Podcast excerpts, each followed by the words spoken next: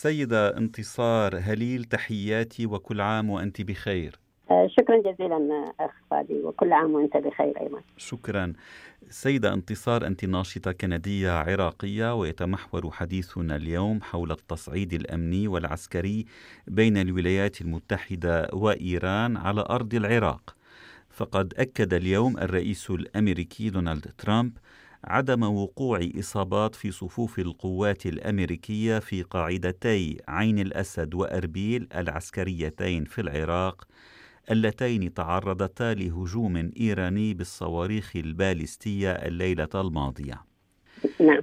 ولم يشر ترامب إلى رد عسكري على هذا الهجوم بل قال إن بلاده ستفرض عقوبات اقتصادية إضافية على النظام الإيراني.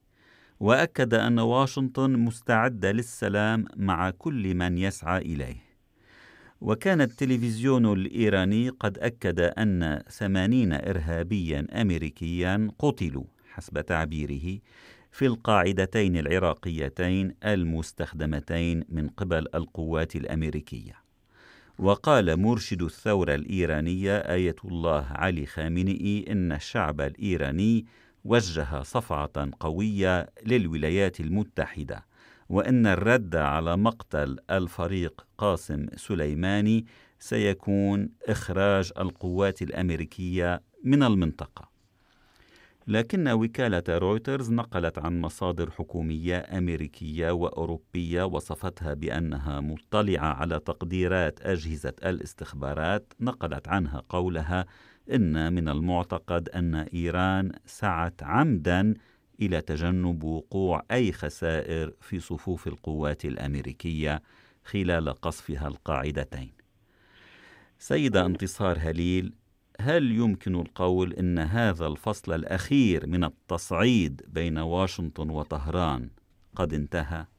آه، مرحبا أخ شكرا. آه، يمكن أنت آه، اوجزت بشكل جامع لطبيعه الأحداث وأنا أقدر أقول لك من الصعب جدا أن نقول هذه نهاية أم هذه بداية بالحقيقة.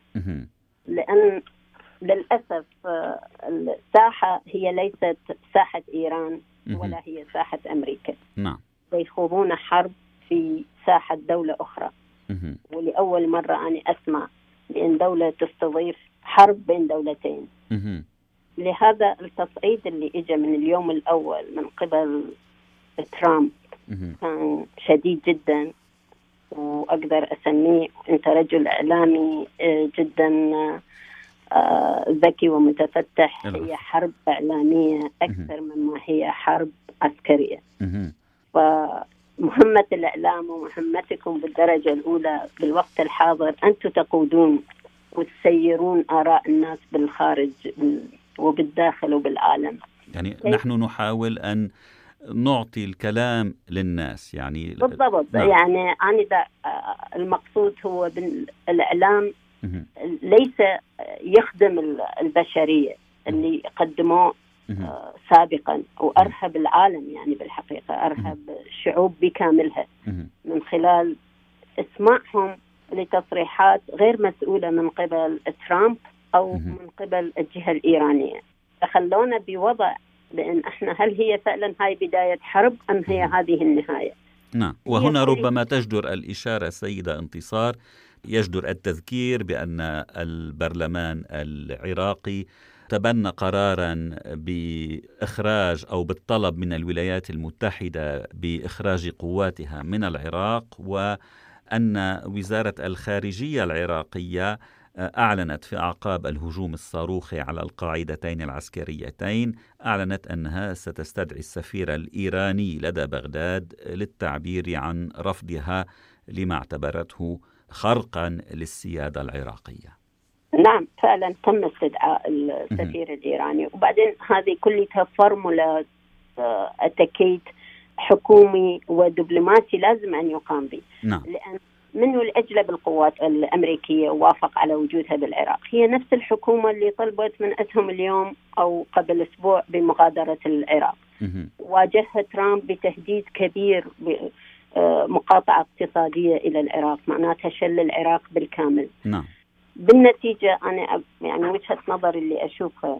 ما قامت به إيران هو فقط لحفظ ماء وجهها من العملية اللي صارت بقتل نعم. سليماني. نعم. ومن هنا سؤالي يعني هل يمكن القول أن أن هذا الفصل هذا الفصل تحديدا من التصعيد قد انتهى؟ هل لكل من إيران والولايات المتحدة حاليا مصلحة في تهدئة الأجواء؟ أي نعم. بالضبط. أنت أصبت الجرح. المصلحة الأولى اولا ارتفعت شعبية ترامب لأن هو بحاجة لهذا الحدث من خلال الانتخابات الجاية أو الامبيتشمنت هنا تشيرين إلى محاولات عزله من قبل الحزب بالضبط. الديمقراطي. من نعم. فالرابح آه، بجانب ترامب هو ربح. بالجانب الآخر إيران عززت جماهيريتها. نعم. استعطفت البلدان والشيعة في العالم بعد مقتل سليماني. نعم. الخاسر الوحيد هو الأكبر هو العراق.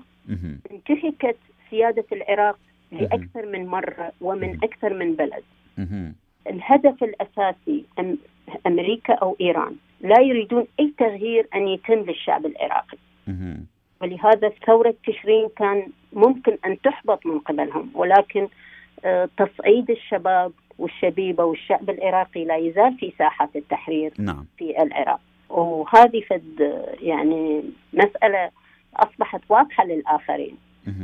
هذه هي كانت نتيجة الضربة الرد الإيراني كان له قوة إعلامية مية بالمية. أما القوة العسكرية فهي صفر. إذا كانوا يدعون بأن هناك قتلى أمريكا حتى بعد الضربة بساعات. يعني حتى ما ما وصلهم الخبر لأن إيش قد ماتوا وإيش قد صحوا. قالوا كل الأخبار اطمئن ما قال بالتصريح من جهة الأمريكي من ترامب. آه، عمليا وكأن العملية هي سيناريو آه، كانوا لهم أخبار مسبق يعني وفق آه، ضربة ضمن اتفاق مرتب محدود بين إيران وأمريكا. يعني كانت إعادة التموقع وحركوا جيوشهم من قبل من الموقعين وانضربت فقط يمكن آه، أماكن آه، نعم. وسي أن أن قالت أن الحكومة العراقية قامت بدور في هذا المجال. أنا متأكدة بأن هي قامت وكل يعني السيناريو بأن الأطراف الثلاثة لهم علم بالضربة. نعم. فقط إحنا الناس اللي برا والاعلاميين ليس لهم علم. طيب. واجاهم الأخبار. نعم. اشرت إلى الحراك الاحتجاجي المتواصل وفي العراق حاليا حكومة تصريف أعمال وهناك خلافات حول من يجب أن يكلف برئاسة الحكومة المقبلة. وهذه الخلافات سبقت عملية اغتيال سليماني وما سبقها من هجوم على السفارة الأمريكية وعلى قاعدة عسكرية تستخدمها الولايات المتحدة في العراق.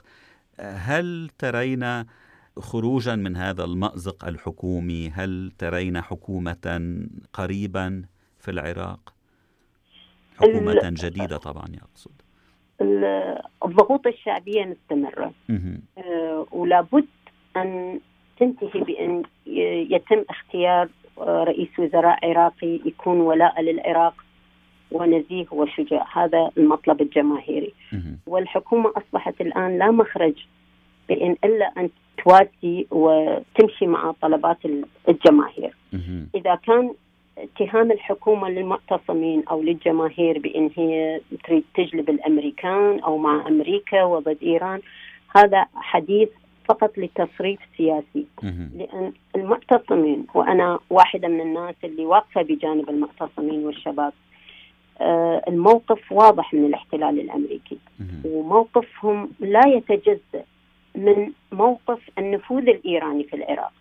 إذا لا ينطلق من آه، الموقف إذا كان فقط من رفض النفوذ الإيراني في العراق هو لا ينطلق من رؤية وطنية دون رفض التواجد الأمريكي.